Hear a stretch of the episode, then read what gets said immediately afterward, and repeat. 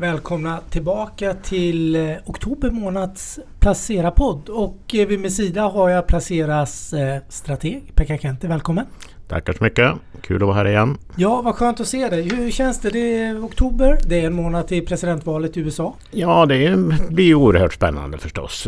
Nu ser det väl ut som att Biden har ryckt lite i opinionen men nu har ju Trump fått Corona här. Och det var väl lite tur att han fick det här under helgen, eller den stora krisen tycks ju har varit under helgen. Så att marknaden hann ju inte reagera så mycket på det. Och eh, nu ska han ju tillbaks in i matchen då, som det ser ut. Sen får vi se hur Trump väljer att spela ut coronan här i presidentvalskampanjen. Sitt coronakort. Ja, precis. Liksom. Men hur skulle ja. han kunna spela ut det? Nej, men du? alltså, det är mycket, mycket möjligt att han får en viss sympati och sådär. Eh, och att eh, snabba tillfrisknandet, om det nu blir så, det vet vi inte riktigt när vi sitter här. Det kan vara lite positivt. Å andra sidan så har ju inte en vanlig coronapatient egen avdelning och 15 läkare som ser över honom. Men, men det ska bli intressant att se hur opinionsundersökningarna ser ut efter det här. Efter det här. Ja, något annat som det har pratats eh, mycket om från tid till annan. Du har pratat mycket om det eh, bitvis. Det är de här amerikanska stödpaketet som gick ut här i slutet på juli. Och mm. sen som skulle förnyas och gått lite i långbänk. Ja, jag kommer ihåg eh, då när vi satt här i, i början på, på augusti så, så, så sa jag att äh, det måste liksom lanseras inom två veckor för att, det ska, för att inte börsen ska bli besviken.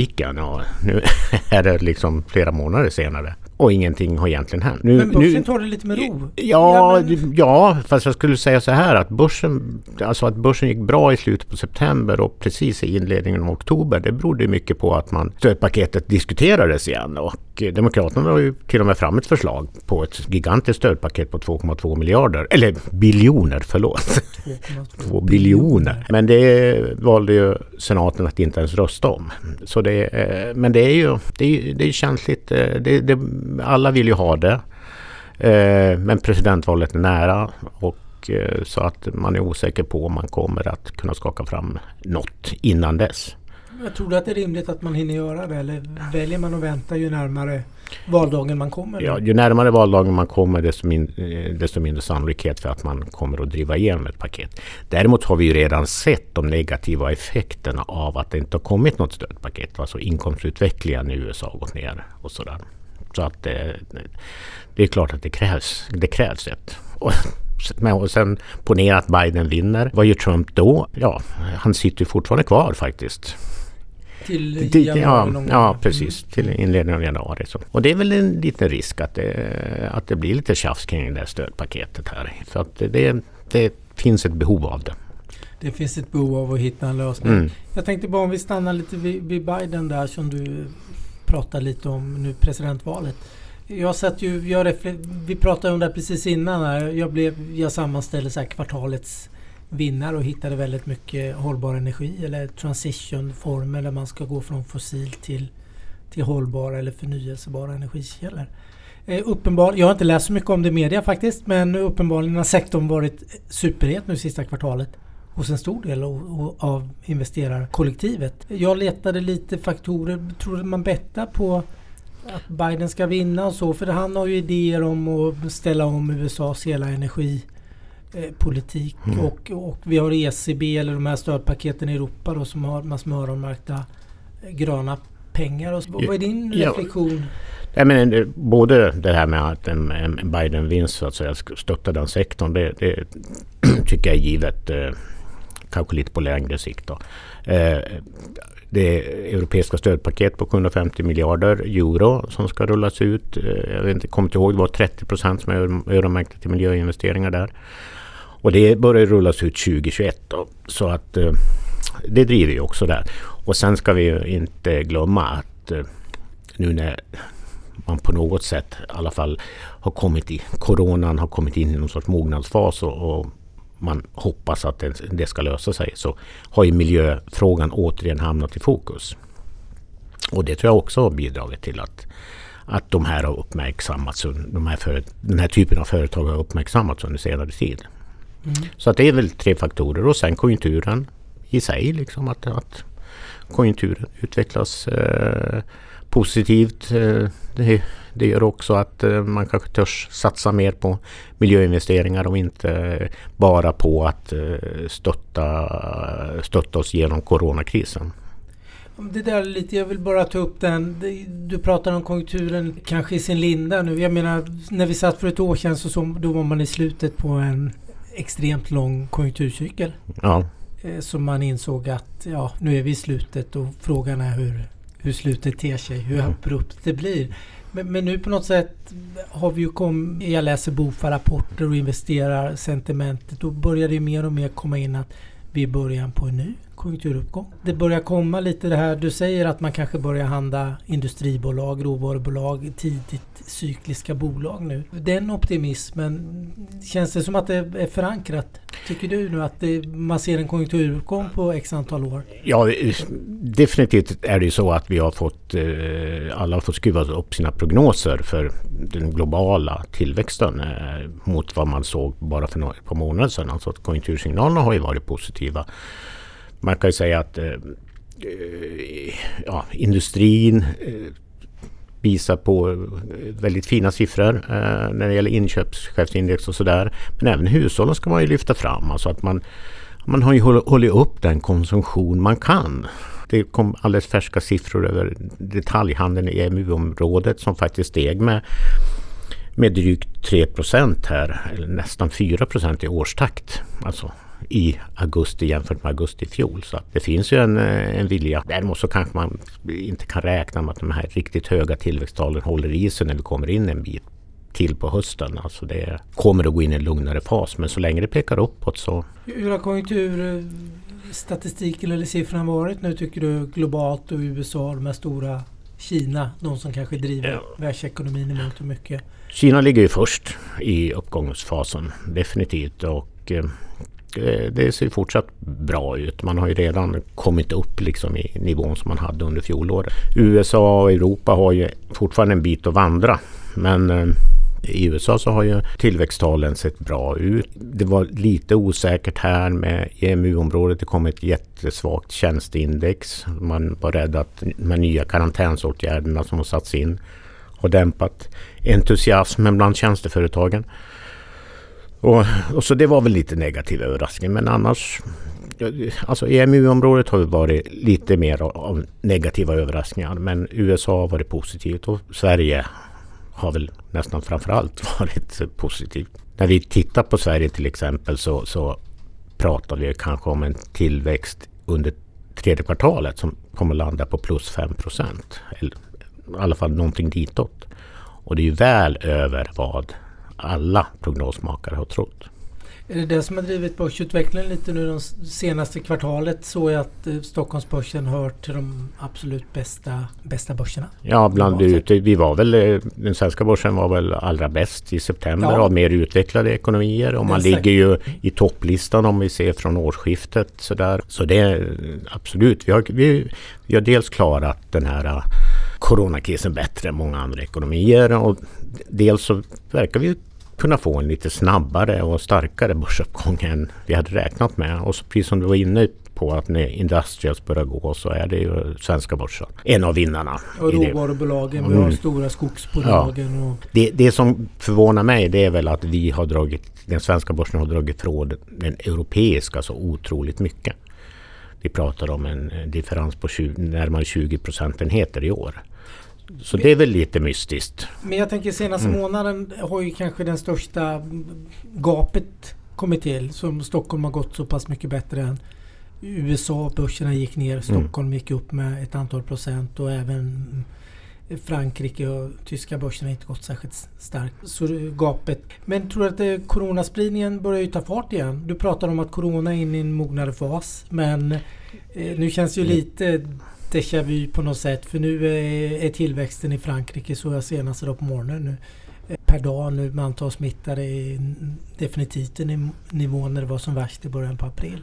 Ja, nu kanske när jag mognare så, så tänkte jag mer kanske så här, ur ett lite mer vad ska jag säga, börsanalytiskt perspektiv. Mm. Att man helt enkelt har anpassat sig till att coronan är här. Och, eh, och, men tar smittspridningen fart i Europa så är det ju så beror ju liksom börsutvecklingen egentligen på vad man, sätter in, vad man tvingas sätta in för åtgärder för att dämpa, dämpa den.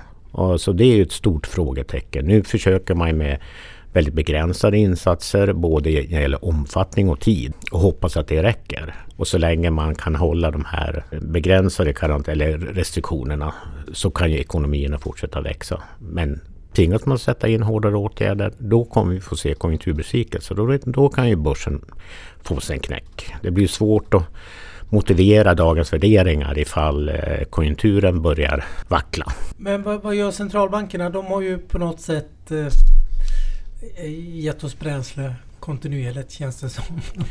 De Sista åren här. Enorma stimulanser.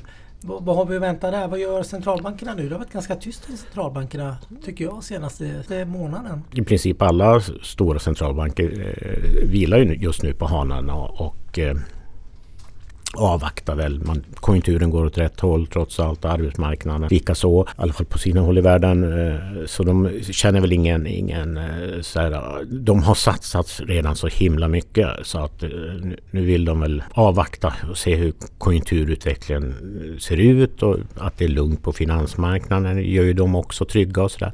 Men skakar det till konjunkturmässigt och eller på finansmarknaden så visst står de redo att göra mer. de måste göra mer helt enkelt. Eh, de har dragit det här penningpolitiska tåget så, så långt här så att det, det enda vägen är framåt. Så att eh, det, det kommer mer utifall att utifall. Behovet, behoven uppstår. Och det kommer ganska fort. Det kommer ganska fort. Men vad, vad ser du för varor? Det Brexit-debatten har kommit igång igen nu. Hettat till sista veckorna.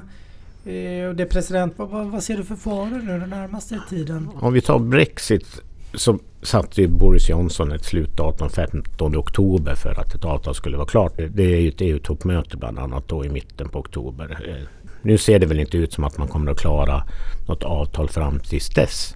Däremot har det kommit lite positiva signaler kring, kring förhandlingsprocessen. Men det måste ju vara klart någon gång under november för det här ska ju ratifieras för att allting ska vara klart kring årsskiftet när den här övergångsperioden går ut. Så att det är bråttom. Marknaden satsar på att det kommer ett avtal så att det, det ligger redan på något sätt i alla fall i Eh, vad ska jag säga, inom börsutvecklingen i stort.